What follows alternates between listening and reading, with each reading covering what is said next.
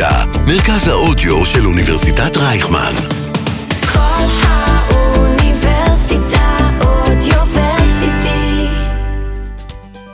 מסביב לעולם ב-40 דקות. מסע פוליטי בין מדינות ותרבויות. עם יוסי מצרי.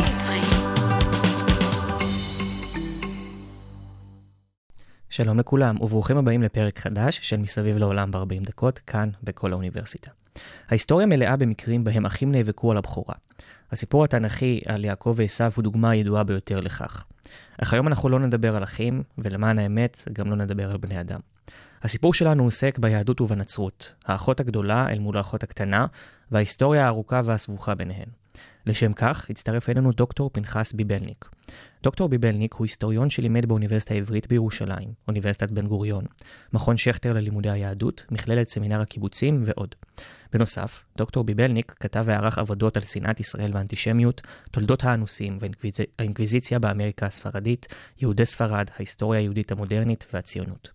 בנוסף, דוקטור ביבלניק הינו יועץ אקדמי ומדריך טיולים, עם דגש על תולדות יהדות ספרד, פורטוגל, פולין, יוון ואיטליה.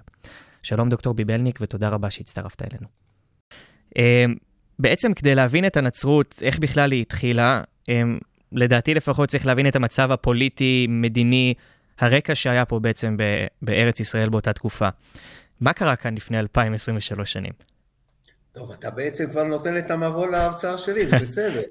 טוב ככה, טוב שהמראיין גם מבין, כי לפעמים קורה שהמראיין לא מבין, אז זה, זה קצת מביך. ובכן, אז אה, אכן, אני בתור היסטוריון חושב שאת כל תופעה אנושית עלינו להבין אותה ברקע.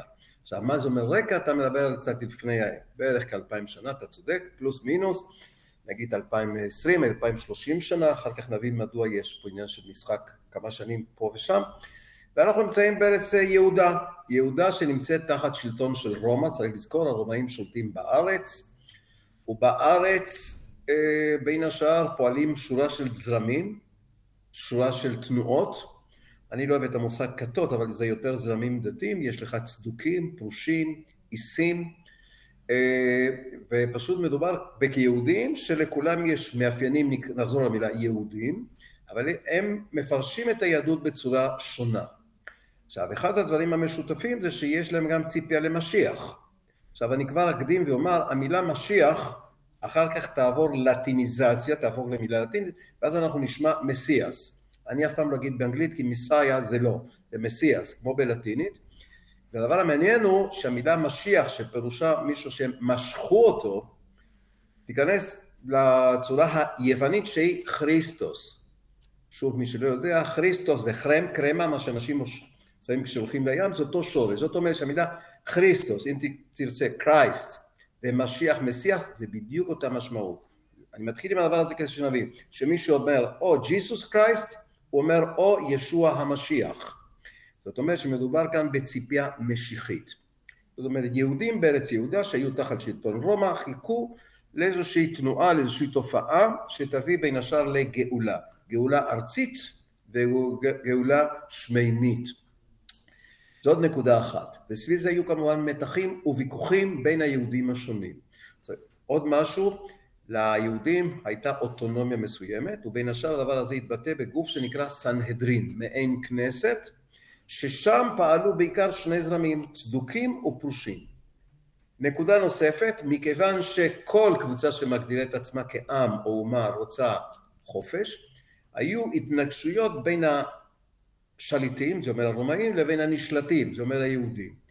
מקובל שבערך משנת 63 לפני הספירה ועד 66 לספירה, שנת פרוץ המלט הגדול, שיביא לחורבן בית המקדש השני, זאת אומרת אנחנו מדברים פרק זמן של בערך כ-130 שנה, היו סביב 60 ניסיונות למרד. זאת אומרת שבממוצע כל שנתיים מרד קטן פה ושם, או בגליל או ביהודה וכולי.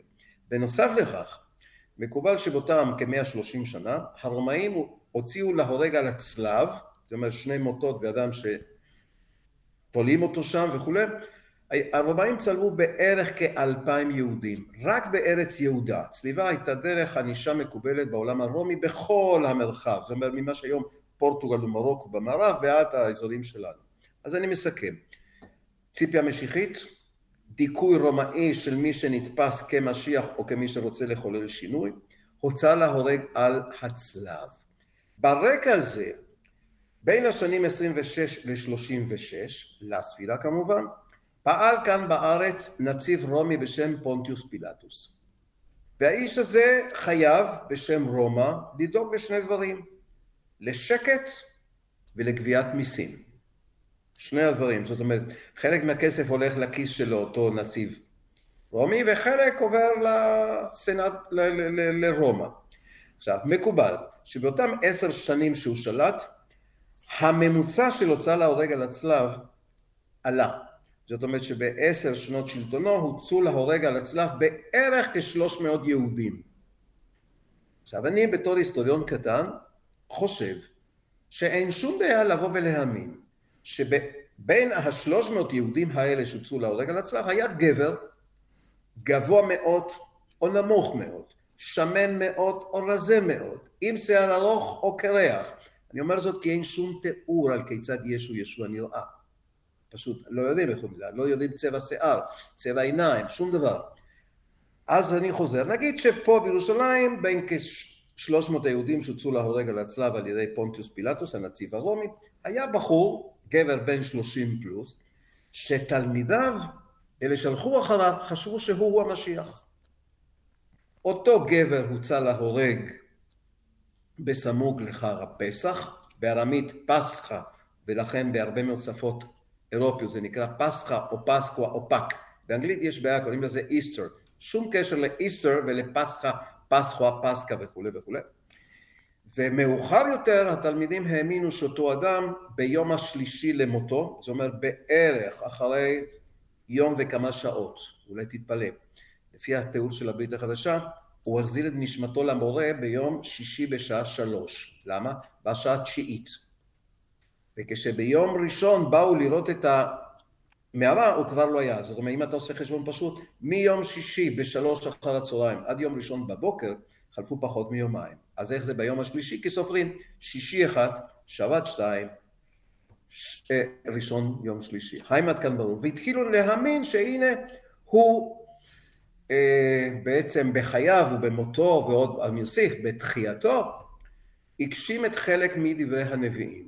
סביב פה יהיה אחר כך הוויכוח וכולי וכולי, לא מדובר אחר אדם על כך שישו הוא האל שלבש צורת אנוש. אני אומר זאת, צריך לזכור, בעיני הנצרות כולה, ישו המשיח הוא האל שלבש צורת אנוש. לכן מאוחר יותר היהודים יואשמו במה? ברצח אלוהים. לא נכנס כרגע לשאלה כיצד נרצה לרצוח את האל. ישו הוא לא אדם, הוא האל שלבש צורת אנוש. המושג הזה הוא בעייתי גם בעיני הנוצרים, שלרוב לא כל כך מתמצאים בנצרות. אז בעצם אנחנו ניגע בנקודה הזאת יותר מאוחר, שנדבר על הפלגים של הנצרות, אבל לפני זה באמת אולי השאלה הכי בסיסית, אה, מי זה ישו? או ישוע? בסופו של דבר מדובר בה, ככל הנראה, האדם הכי משפיע בהיסטוריה האנושית. תשמע, אני לא יודע מה הכי משפיע בהיסטוריה, יש הרבה מאוד אנשים אחרים. סידרתא גאותמה בודה, מוחמד, אה, תשמע, הרבה מאוד אנשים השפיעו. אה, המקורות עליו מעטים ממש. נגיד שישו, אני רגיל תמיד להגיד ישו, בשנים האחרונות פוליטיקה קוראת כן, בדיוק. לא משנה. אז ישו ישוע מת מתישהו בין 26 ל-36. זה אומר במהלך עשר שנות כהונתו של פונטיוס פילטוס. לא יודעים בדיוק מתי. כל המקורות אודותיו, נגיד שהוא מת בשנת 30 לצורך העניין, כל המקורות אודותיו נכתבו בין 25 ל-70 שנה לאחר מותו. אני חוזר. זאת אומרת, כל מה שאנחנו מכירים במה שנקרא הברית החדשה, הם טקסטים שעל פי כל החוקרים שעוסקים, נכתבו מתישהו בין שנה 55 לספירה ועד שנת 100. זאת אומרת שחלפו בין 25 ל-70 שנה מהרגע שאותו בחור, אותו גבר, הוצא להורג, ועד שהסיפורים הועלו לכתב. זאת אומרת שאין לך שום סיפור בין הזמן. אוסיף עוד משהו? חוץ מהסיפורים שנמצאים בברית החדשה, אין עליו שום דבר. לפעמים מזכירים מה שכתוב אצל יוסף בן מתתיהו. יוסף בן מתתיהו נולד בערך כשישו מת. זאת אומרת שהוא מספר מאוחר יותר. מספרים על טקיטוס, אבל גם טקיטוס מספר שיש אנשים המאמינים ב. אומרת, אין שום טקסט אחר. עכשיו, לפי הסיפור, צריך להבין, בברית החדשה, שקצת אני אקדים, כי אתה שואל לגבי מה אנחנו יודעים עליו, אה, יש נכון ליום, לא, כבר מאות בשנים, סליחה, יש 27 ספרים. מתוכם יש ארבעה ספרים שנקראים אבנגליונים. זה משתי מילים ביוונית, אהו שזה טוב, אנגליום שזה בשורה. עכשיו, האבנגליונים האלה, אם תרצה בעברית, סיפורי הבשורה, נכתבו בין השנים פלוס מינוס 55 ועד שנת 90 פלוס. חלק נכתבו על ידי אנשים שהכירו אותו. אחרים נכתבו על ידי אנשים שלא הכירו אותו, ושהיו תלמידים של תלמידים שגם אותו הם לא הכירו. עוד משהו, מקובל במחקר שהיו למעלה מחמישים בשורות, חמישים אבנגליונים, יש הטוענים חמישים וארבע או חמישים ושבעה אבנגליונים, מתוכם נכנסו לקאנון רק ארבעה. והם הסיפורים היחידים שמתארים משהו על ישו ישוע. על מי האבא, כן או לא יוסף או לא, אם זה האל, האימא ששמה מרים, המוצא ועוד ועוד. זאת אומרת, כל מה שידוע לנו זה מה שהתלמידים כתבו עליו, זה הכל. אין מקורות אחרים. ואז יש פה מקור. עכשיו, כשאתה מנתח את הסיפור בצורה פשוטה ביותר, אתה רואה, בארץ יהודה נולד ילד יהודי, שביום השמיני, כפי שכתוב באברגליון על פי לוקאס, נלך לו, כן, פשוט עשו לו ברית מילה. עכשיו, רק בלוקאס מופיע, ואחר כך אולי אני אסביר מדוע. עכשיו, אז הבחור הזה נולד כיהודי, נימול כיהודי, פעל כיהודי, הוצא להורה כיהודי, ועל הצלב, לפי הברית החדשה, מה היה כתוב? אינרי, או אינבי, ישו מנצרת, מלך היהודים. זאת אומרת שמבחינה זו מדובר ביהודי שפעל בקרב יהודים. וזה מה שאנחנו יודעים. אז אנשים עכשיו, הוא לא היחיד, אנחנו מכירים גם מטיפים יהודים אחרים שפעלו. כן? הרי לפי הסיפורים של ישו, ישו פועל בגליל, הוא נמצא במקום שנקרא כפר נחום, שהוא בית כנסת. מאוחר יותר אתה רואה שפשוט ההתפתחות הוא פועל בין יהודים. ואם אתה שואל אותי באופן, אני לא חוקר נצרות. תחום המחקר שלי זה בכלל יהדות ספרד וכולי, עוסק בשורה של נושאים, אבל אם אני הולך לכיוון של גדולי החוקרים כמו פרופסור דוד פלוסל המנוח, אז ישו באמת פעל כיהודי וחי באמת כיהודי. מבחינה זו, וכמעט לא חידש מאומה. כשאתה לוקח, כפי שעשה פרופסור דוד פלוסל, את המסר של ישו כפי שבא לידי ביטוי בבית החדשה, אין שום דבר חדש. אז בעצם, בעצם השינוי שהופך את, ה, את הדת הנוצרית לא בא מישו, ישוע עצמו, אלא מאחד בשם פאולוס, שבעצם מפיץ את תורתו של ישו ובעצם אה, מאפשר ללא יהודים להצטרף אליה, מה שמאפשר את השינוי המאוד מאוד גדול. מעולה, אוקיי. שתי דמויות מאוד מאוד חשובות פועלות ברקע. שניהם יהודים. אחד הוא שמעון בר יונה, שאחר כך ייקרא פטרוס, שנחשב בעצם, אם תרצה, האפיפיור הראשון, אם כי עדיין זה ממש לא האפיפיור. השני הוא יהודי, אגב, שמעון בר יונה הוא תלמידו הראשון ויד ימינו של ישו. לעומת זאת, שאול התרסי, הוא יהודי שנולד בתרסוס, תרסוס זה בטורקיה של היום, הגיע לירושלים לאחר מותו של ישו. זאת אומרת, כן, שאול התרסי לא הכיר את ישו. פרק זמן מסוים הוא הופך לאדם שמתנגד למאמינים שישו ישוע היה משיח, יש פה מסע מסוים, לא אכנס כאן לכל מיני פרטים, מי שמתמצא כן ואם לא בסופו של דבר עובר מהפך של 180 מעלות, ומתחיל לקרוא לעצמו פאולוס. פאולוס מהמילה לטינית paucis, paucis מי שיודע קצת ספרדית כמו poco, poquito, הקטן, העניו, הצנוע, ואז עושה מהפך של 180 מעלות, מלהיות רודף? הנוצרים, מתפלמס נגדם, הוא הופך להיות הדובר העיקרי. ואז שאול התרסי הוא פאולוס, אם תרצה באנגלית זה יהיה פול, פבלו, פאולו, פאבל, לא משנה, בולוס בערבית. והוא זה שפשוט מפתח תפיסה חדשה. הוא האיש שמתחיל לדבר על כך שבעצם לא סתם אדם הוא, אלא אולי האל שלבש צורה. אותו אדם מתחיל לומר מה שיהודים אמרו וגם אומרים היום, מטרת המצוות להכשיל את בואו של המשיח. ברגע שמשיח הגיע, אין טעם בקיום המצוות המעשיות. ולכן הוא נתפס כאנטינומיסט, נומוס חוק.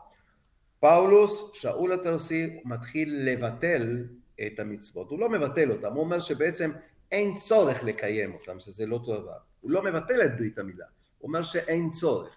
ופה המהפך. מתפיסה אתנוצנטרית, יהודית, שמדברת על כך שעם ישראל הוא הנבחר, גם אתנית, ומתפיסה שמדברת על ארץ ישראל, הוא משנה את שני הדברים.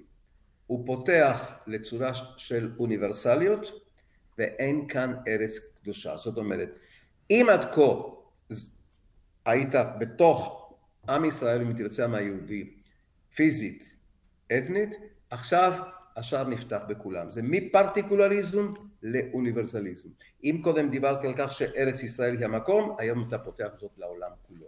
וכאן הפתח. לפתע, גאולה, עולם הבא, שערי שמיים, גן עדן פתוחים בפני כל גבר ואישה בלי קשר למוצא, בלי קשר למין, וזה אחד ההבדלים המהותיים. וכאן מתחיל הסיפור. ושאול התרסי הרי הוא פאולוס יוצא למסעות. איפה הוא מבקר לפי הברית החדשה? בבתי כנסת. הוא ביקר בבתי כנסת בסלוניקי, ביקר בבתי כנסת באתונה, אז זה אומר בין השאר שהיו יהודים כבר באתונה ובסלוניקי מן הסתם, ולפי המסורת פאולוס מצא את מותו יחד עם פטרוס, שניהם מצאו את מותם ברומא. אבל זה סיפור אחר.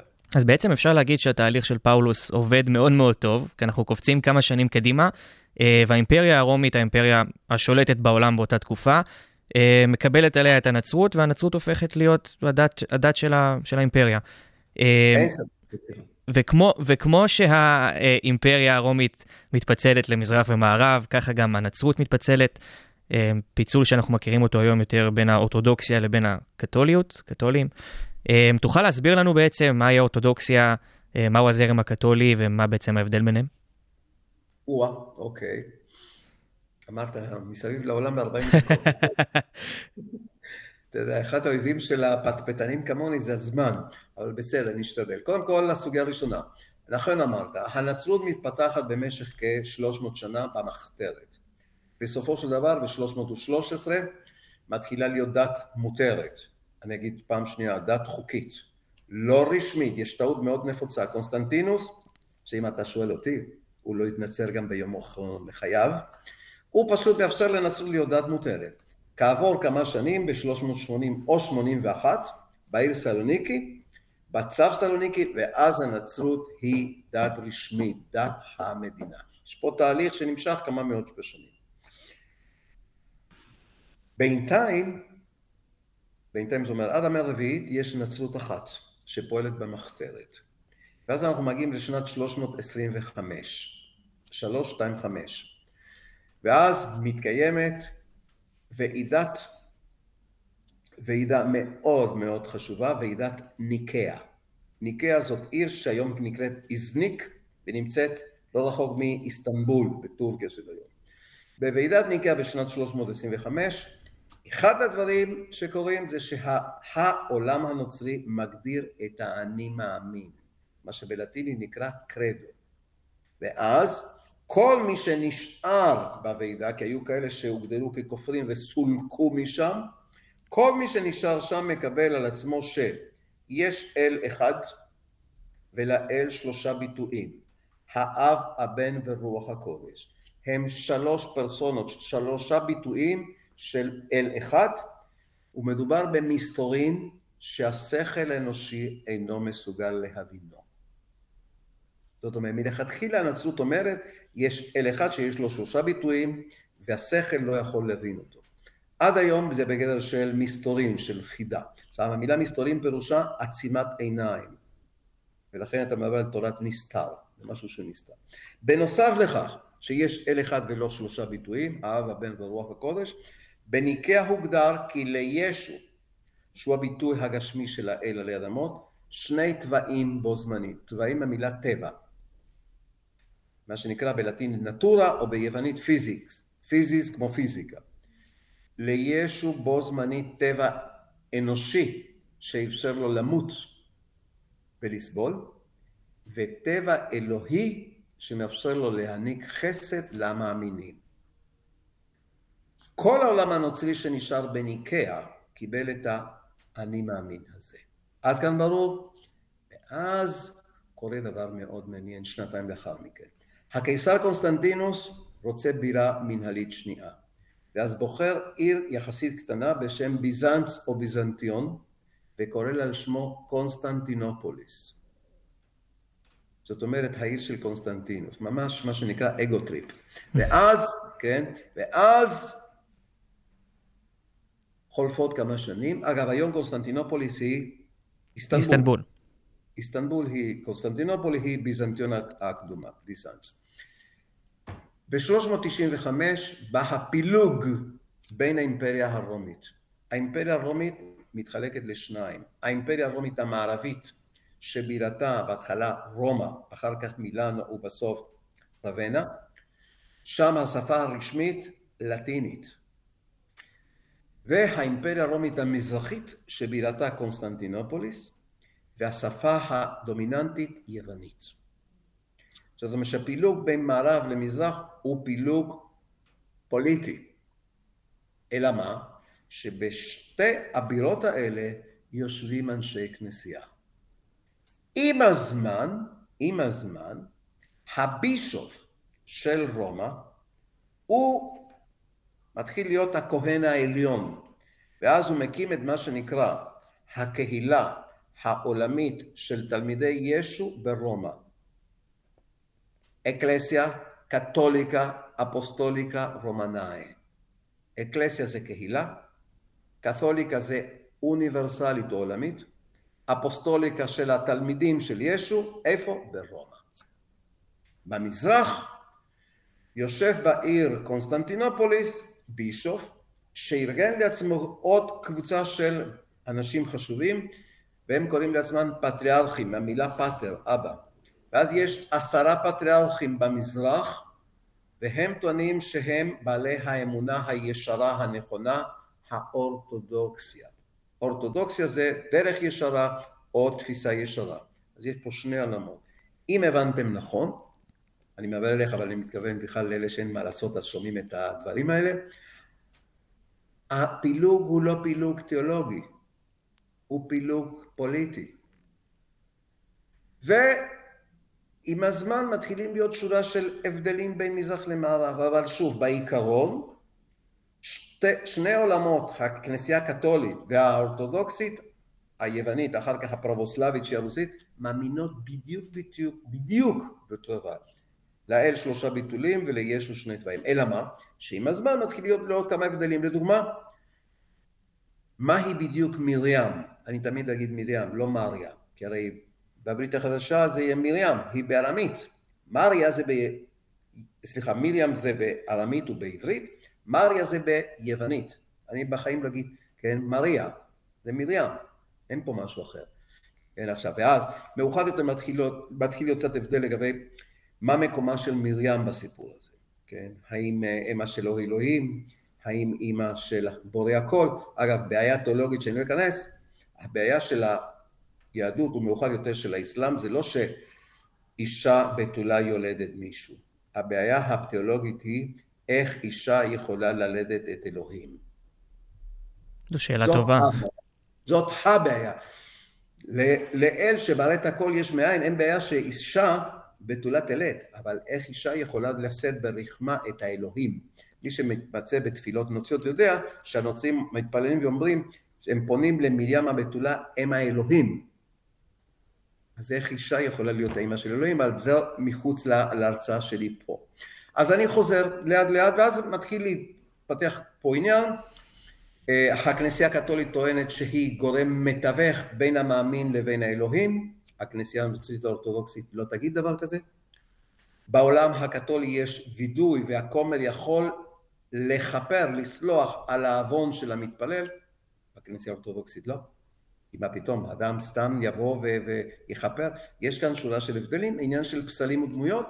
במאה השמינית הייתה תנועה איקונוכלסטית, פשוט בעולם האורתודוקסי היווני, הרסו, שברו, ניפצו פסלים, תמונות ועוד ועוד. בעולם האורתודוקסי אין פסלים, יש איקונות. לא אייקון, you know, באנגלית היא שפה בעייתית, אין איקונות, סליחה, אין פסלים, יש רק איקונות, לכן אתה אומר איקונוסטסיס, כן? ו- ועוד שורה של דברים, אבל ביסוד ביסוד אין הבדל תיאולוגי מהותי בין הכנסיות האלה. הבדל שכן יש, ואני פשוט רק לסבר את האוזן, בוועידת ניקאה ב-325 היו נציגים של שורה של כנסיות שאמרו שלישו היה רק טבע אלוהי. זאת אומרת, טבע אחד, מונו זה אחד, לעומת סטריאו לדוגמה, פיזיס טבע. הכנסיות המונופיזיטיות טענו שלישו היה רק טבע אלוהי. המאמינים האלה גורשו, סולקו מניקאה. אבל עד היום יש לך ארבע כנסיות מונופיזיטיות. הכנסייה הקופטית, זאת אומרת הנוצרית במצרים, הכנסייה האתיופית, הארמנית והיעקובינית סורית. הן כנסיות שלא מקבלות שלישו היו שני תוואים. זה על קצה המזלג. אז בעצם אנחנו נכנסים, ל... האימפריה הרומית קורסת, נכנסים לימי הביניים, אה, אפשר להגיד שהולכים קצת אחורה, אבל הנצרות הולכת מאוד מאוד קדימה, והופכת להיות הדבר המשמעותי בחיים של אנשים, אני מדבר בעיקר על אירופה. אה, ועם ימי הביניים אנחנו גם מתחילים לראות את השנאה, אפשר להגדיר אותה, בין הנצרות לבין היהדות. אה, מה קורה שם? מה... אוקיי. Okay. קודם כל, אני אגיד לך שאני חולק עליך, לא הולכים אף פעם אחורה. הכל זה התקדמות, כמו בווקטור בפיזיקה. כן, אתה יכול לומר, תשמע, יש שינויים כאלה ואחרים. עכשיו, יש נקודות בימי הביניים שיש יותר אור מאשר ביוון, רומא או היום אפילו, עם הבנייה של קתדרלות, הידע עצום. אבל בואו נעזוב את הדבר הזה. ובכן, מכל ההרצאה הזאת, אחד הדברים שאולי כדאי להבין זה המשפט הבא. אין נצרות בלי יהדות. אני אגיד זאת פעם שנייה. אין נצרות בלי יהדות. פעם שלישית, בשביל מי שלא הבין, אין נצרות בלי יהדות. למה? העולם הנוצרי, ולא משנה איזה עולם נוצרי, מתבסס על התנ"ך היהודי, התנ"ך, מה שנקרא הברית הישנה. זאת אומרת, אין ברית חדשה בלי ברית ישנה. אין, לא קיים. אין פסחא בלי פסח. אין פנטקוסטס נוצרי בלי חג השבועות. אין חגים כמעט בנצרות, ועד שנות ה-60 של המאה ה-20, אחד בינואר היה יום ברית מילה של אדוננו ישוע המשיח. זה מה שהיה כתוב בלוח הכתובי. ואז החליטו לשנות, והיום קוראים לזה יום לתהילתה של מרים הבתולה. מדוע שינו לפני כ-50 משהו שנים? לא חשוב. ל-60 משהו שנים לא משנה. זאת אומרת שאין נצרות בלי יהדות, מבחינת הטקסטים. שתיים, אין נצרות בלי מותו של ישו. אני חוזר, אין נצרות בלי מותו של ישו. וכשאתה לוקח את הברית החדשה, בעיקר את האבנגליון, לא רק, אבל נגיד את האבנגליון על פי מתי פרק 27 פסוק 25. שם נאמר, כתוב, היהודים אמרו, היהודים בכללותם, יהיה דמו עלינו ועל בנינו. בלי להיכנס לכל הסיפור של מה שקורה שם, מבחינת הכותב, אני אומר הכותב, כי אני לא יודע מה קרה, היהודים לקחו על עצמם את אשמת מותו של ישו.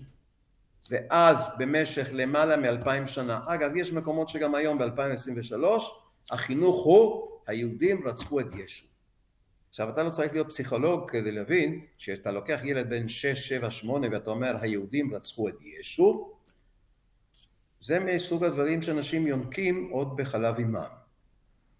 זאת אומרת, ואז כל שנה, בעיקר בשבוע של פסחא, כשאתה מגיע ליום חמישי, שזה היום שבעצם כביכול, כן או לא, מתרחשת הסעודה האחרונה, סעודה האחרונה זה סדר פסח לכל דבר, וברגע שאתה נמצא ביום שישי, שזה יום הצליבה, הכנסיות, ההטפה הייתה מאוד מאוד חזקה נגד רוצחי ישו, שזה היהודים, ונגד הקללות נגד היהודים. ולא צריך להתפלא שהרבה מאוד רדיפות היו דווקא בשבוע של פסחא.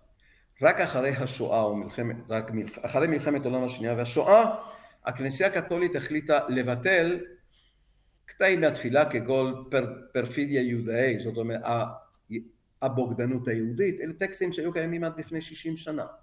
זאת אומרת, לכנסייה יש צורך בחשבון נפש מאוד מאוד מאוד ארוך. אני נוהג לומר, ואמרתי זאת גם בכנסייה קתול, באוניברסיטה הקתולית בוונצואלה וגם במוסדות כמו יד ושם, אין לי שום בעיה, אין לי ספק שהכנסייה הקתולית סללה את הדרך לשואה. וואו. היא סללה את הדרך. המשאית לא הייתה שלה, אבל היא סללה את הכביש, וכשאתה מתחיל לדבר על פרעות ביהודים, החל ממסע הצלב הראשון ואילך, נדבר על על קיץ 1096 ואילך, שם הידיים של הנצרות הממוסדת והלא ממוסדת נמצאות. צריך לזכור עוד משהו, התחילו להיות עלילות דם. הממס... האפיפיור שולל את האפשרות שיהודים רוצחים ילדים כדי להשתמש בדם. אבל האפיפיורות הופכת ילדים נוצרים שמתו לקדושים. יש פה סתירה, אבל האדם כנראה שהוא סתירה מלכת על שתיים, אז אין בעיה עם הדברים האלה. כן, ואז אתה רואה שיש פה עניין של חינוך נוצרי מאוד מאוד קשה, וגם עניין של קריקטורות, של ציורים, ושל האומנות הנוצרית. וכשאתה מבקר בכנסיות כמו בנוטחדם בפריז, שעכשיו היא בשיפוצים, או אתה מדבר על שורה של קתדרלות, החל בעיקר מהמאה ה-12, אתה רואה בחזית פסל של אישה נאה שהיא הנצרות המנצחת, בפסל של אישה נאה אבל עיניה מושפלות או מוסתרות בצעיף ולפעמים עם נחש, שזאת הסינגוגה המובסת, בית הכנסת המובס. ואתה מדבר פה על עניין של חינוך נוצרי מתמיד, מה שלא קורה בעולם האסלאם. ומבחינה זו יש הבדל מאוד רציני בין החינוך בין אה, בעולם הנוצרי. אין ספק שיש פה מקום מאוד מאוד מרכזי, גם כשאתה לוקח את הטקסטים של חלק מהברית החדשה. אז בעצם אנחנו נקפוץ עוד טיפה קדימה לעוד פיצול בכנסייה, הפעם בתוך הכנסייה הקתולית באירופה.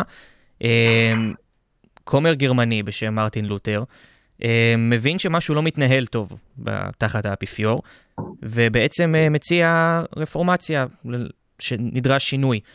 איך השינוי okay. אוקיי. הזה משפיע על הנצרות, ואולי אפילו על היהודים עצמם מבחינת היחס? אוקיי, okay. אז קודם כל, מרטין לותר היה נזיר. לא סתם, לא כומר, הוא נזיר. הוא נזיר ששייך למסדר של האגוסטינים. זאת אומרת, הוא מכיר את תורתו של אגוסטינוס בצורה מעולה. הוא היה אה, מרצה בוויטנברג לתיאולוגיה ולכתבי הקודש. והוא רוצה רפורמה, זאת אומרת, הוא רוצה מבחינתו לחזור למקורות. הוא טוען שהכנסייה הקתולית, אליה הוא שייך, סובלת משורה של פגמים אותם יש לתקן. ואז הוא רוצה רפורמה, רפורמה זה להחזיר לצורה המקורית. הוא רוצה, ובסופו של דבר, אני חושב שלא התכוון לכך, אבל לא יכול להוכיח זאת, הוא פשוט מקים כנסייה חדשה, שלא מקבלת את המחות של האפיפיור ועוד ועוד. ובתחילת דרכו הוא חושב שהיהודים יקבלו אותו. עד היום לא ברור לי למה הוא חשב דבר כזה, למה שיהודים יקבלו את מה שהוא אומר.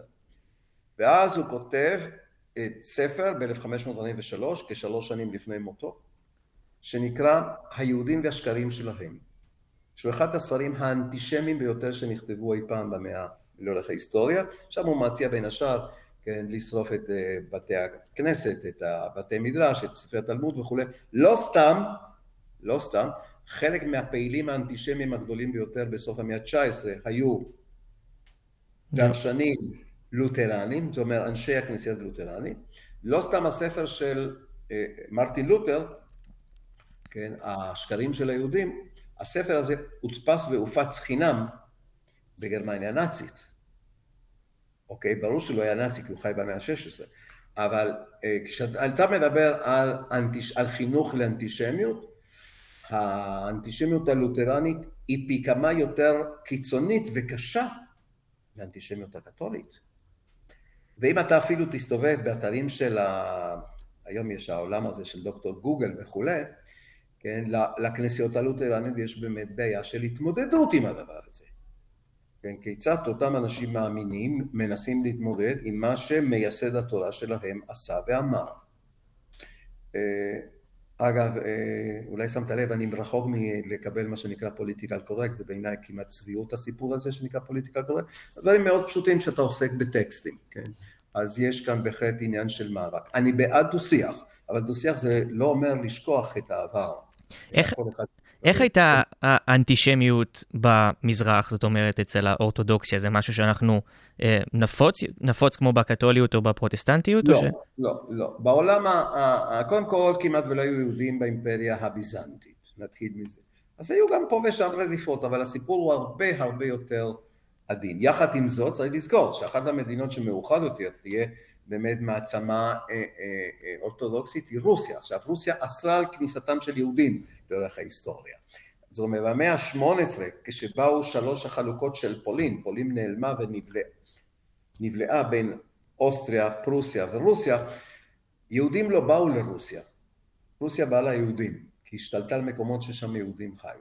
ואז בהחלט, כן, חלק מאנשי הכנסייה הרוסית הפרובוסלבית היו ממש ממש אה, אנטישמים בצורה מאוד מאוד בוטה. וכשברית המועצות התמוטטה, בשנות התשעים אני מדבר, של המאה העשרים, אז היו שם שורה של אנשי כנסייה פרובוסלבים שהיו ממש ממש אנטישמים. שוב, לא כולם, אנחנו מדברים על חלק, כי פשוט מאוד הדבר הזה נמצא בפנים כחלק מהסיפור עכשיו. יחד עם זאת אני חייב לומר, אני קשור ליד ושם כבר למעלה משלושים ומשהו שנים, כל שנה יש סמינרים, זה פשוט קורסי השתלמות שמגיעים אנשים מכל העולם, מה שמאוד משמח אותי שמגיעים גם אנשי כנסייה, כמרים, נזירים, ושמוכנים באמת לפתוח דף חדש, מדברים על דו-שיח מאוד פורה, ויש, אבל בכל זאת יש להם בעיה כיצד להסביר את הסיפור של פסחא, כי בפסחא מזכירים את מותו של ישו. וכמובן לפי הטקסטים שם מעורבים היהודים, כיצד לעדן את הדבר הזה. אז בעצם הבנו איך הנצרות מסתכלת על היהדות, אבל איך היהדות מסתכלת על הנצרות לאורך השנים? האם זו אה, הסתכלות עם, עם בוז כזה, עם אה, פחד, עם הערכה, מש... איפה היהודים עומדים? הערכה בוודאי שלא. כן, הייתי ציני. בין דתות באופן כללי אין הערכות. כשנפגשים יהודי, נוצרי ומוסלמי, כל אחד משוכנע ששני אחרים טועים. סובלנות פירושה לתת לאיש שחי בטעות לחיות לצידי כי הוא בן אדם. כן, אבל ברור שכשיושבים ביחד יהודי, נוצרי ומוסלמי, כל אחד חושב ששני אחרים טועים, אם הם אנשים מאמינים. חילוני יכול לחשוב ששלושתם טועים, אבל זה כבר סיפור אחר. איך? אז קודם כל, אה, נגיד ככה, ישו לא מופיע במשנה, מופיע בגמרא. מי שמתמצא בהבדלים, זאת אומרת כמה מאות שנים לאחר הסיפור. ואז כן, כן, יהיה, כנראה, ש, כנראה שישו פירושו קיצור של יימח שמו וזכרו, אוקיי? לעומת ישוע. כאן אני אומר כנראה, בזהירות. יש פה בהחלט מאבק, יש כאן מאבק. מאוחר יותר היהודים התחילו להפיץ ספרון שנקרא כן, מעשה ישו, ששם בעצם הסיפור הוא שמרים נכנסה להיריון מחייל רומי, ואז בעצם הילד הוא ממזר. יש פה סיפורים אודותיו. העולם היהודי באמת בז לסיפור הזה, איך אפשר שאישה תלד את אלוהים? כן, יש כאן בהחלט בעיה אה, אה, תיאולוגית מאוד מאוד, שים לב שבעיני, עד היום, עד היום, כן, רוב היהודים יכולים להיכנס למסגד. חלק ניכר מהיהודים הדתיים לא ייכנסו אף פעם לכנסייה, כי כנסייה נתפס כמקדש לעבודה זרה. כי הנצרות נתפסת ברוב החוגים היהודיים כעבודה זרה, אם תרצה כאלילות, לא בגלל הפסלים, לא בגלל הציורים, אלא בגלל הסיפור הזה של השילוש הקדוש. תחליטו שזה שלושה או שזה אחד. כן? זה הסיפור. לעומת זאת, העולם היהודי בגדול מקבל שהאסלאם, אמנם זאת טעות, אבל מאמינים באל אחד. זאת אומרת שיש פה בעצם יהדות מונותאיזם, אסלאם מונותאיזם, ביניהם יש מאבק, אבל לגבי הנצרות הסיפור הוא של מאמינים בכך שמדובר באלילות, אם תרצה באידולטריה, כן? אז כמובן שנוצרי מן השורה לא יקבל את מה שאני אומר כרגע. אני כרגע לא אומר מה פנחס חושב, אני בעיקר הולך סביב עניין של הטקסטים וההתייחסויות השונות. עכשיו עוד משהו להולך ההיסטוריה, כמו שקורה תמיד, יש עניין של חיפוש סמלים. אז בעיני היהודים, לא כל היהודים, אבל אני מדבר על חלק מהמנהיגים, אה, בעולם העתיק, אדום, שזה היריב של יעקב ישראל, אדום מסמל את רומא, אחר כך את הנצרות, אחר כך את הקיסרות הגרמנית הרומית הקדושה. זאת אומרת שיש כאן עניין של מאבק מתמיד. באותה מידה, במידה מסוימת, כמו שאתה יכול לתפוס שיש יהודים מאמינים שיגידו לך שהיטלר הוא מהצאצאים של המן הרשע. דבר שכמובן היסטורית זה לא, זה בשום פנים ואופן לא, אבל יש עניין פה של סמלים שאנשים אה, אה, אה, נזהרים בהם. אז בעצם אנחנו נסיים עם השאלה האחרונה, אחרי כל המסע המפרך הזה בין שתי הדתות, האם היחס השתנה היום? האם יש יחס שונה מהרבנות הראשית, לא יודע, לכס האפיפיורות, או שעדיין יש שנאה מסוימת בין שתי הדתות? שאלת המיליון כלום. תשמע, לי אין ספק שהחל מהמאה ה-19, זאת אומרת 1800 פלוס. ברגע שבעולם האירופי, אני מדגיש, בעולם האירופי, התחילו לנשוב רוחות של סובלנות. אני מדבר על תפיסות אנתרופוצנטריות, תפיסות שיותר ויותר מדגישות את המרכזיות של האדם. אז אתה מתחיל לראות חוגים בעולם הנוצרי או בעולם היהודי. כשאני אומר לעולם היהודי, כוונתי קודם כל למה שנקרא הזרמים שבאו מהתנועה לתיקונים בדת. אם תרצה מה שהיום התנועה הקונסרבטיבית, התנועה הרפורמית. בעולם הנוצרי זרמים מסוימים שאומרים גם אם אתה טועה כולנו בני אותו אל וזאת הנקודה העיקרית שהדגשתי קודם ואז באותו רגע שאתה אומר אתה ואני שונים אבל בני אותו אל הדברים מתחילים להשתנות ואז אתה רואה שבהחלט יש שיח כן? אה, זה שבפעם הראשונה בהיסטוריה האפיפיור יוחנן פאולוס השני ביקר בבית כנסת ברומא זה שינוי דרמטי. ברגע שהוותיקן הכיר בתקופה של יוחנן פאולוס השני בקיומה של מדינת ישראל, יש פה שינוי דרמטי. יש שיח. האם כל הנוצרים מקבלים זאת? בוודאי שלא. האם כל היהודים מקבלים שאדם שהוא לא יהודי הוא שווה? בוודאי שלא. יש חוגים, הייתי אומר חוגים ליברליים, חוגים יותר עם תפיסה יותר אנתרופוצנטרית, חוגים עם יותר סובלנות דתית, שבוודאי שכן, אבל מכיוון שאנחנו לא כולנו מקשה אחת, אתה יכול לומר כולם, אז יש כאן בהחלט עניין של שיח ושל הבנה מסוימת.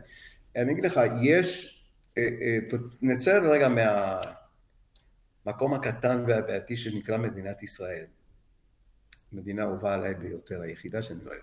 אז נצא רגע מהמקום הקטן הזה. אתה רואה שבהרבה מאוד מדינות בעולם ישנם חוגים של שיח יהודי נוצרי מוסלמי. בהרבה מאוד חוגים. כן? ויש שיח פורה, שיח של הבנה, שיח של תמיכה, שיח של uh, כבוד הדדי. אבל זה שוב, האם כל מוסלמי מוכן לקבל יהודים ונוצרים כאחים? בוודאי שלא. האם כל נוצרי יהיה מוכן לקבל יהודים ומוסלמים? בוודאי שלא. האם כל יהודי? לא, ברור שלא. אבל יש חוגים שמובילים את הדבר הזה, ובזה אני תולה את תקוותי הקטנה לעולם טוב יותר אולי. דוקטור ביבלניק, תודה רבה על אה, הרצאה מרתקת, תודה רבה לכל המאזינים, ונתראה בפרק הבא. תודה יוסי.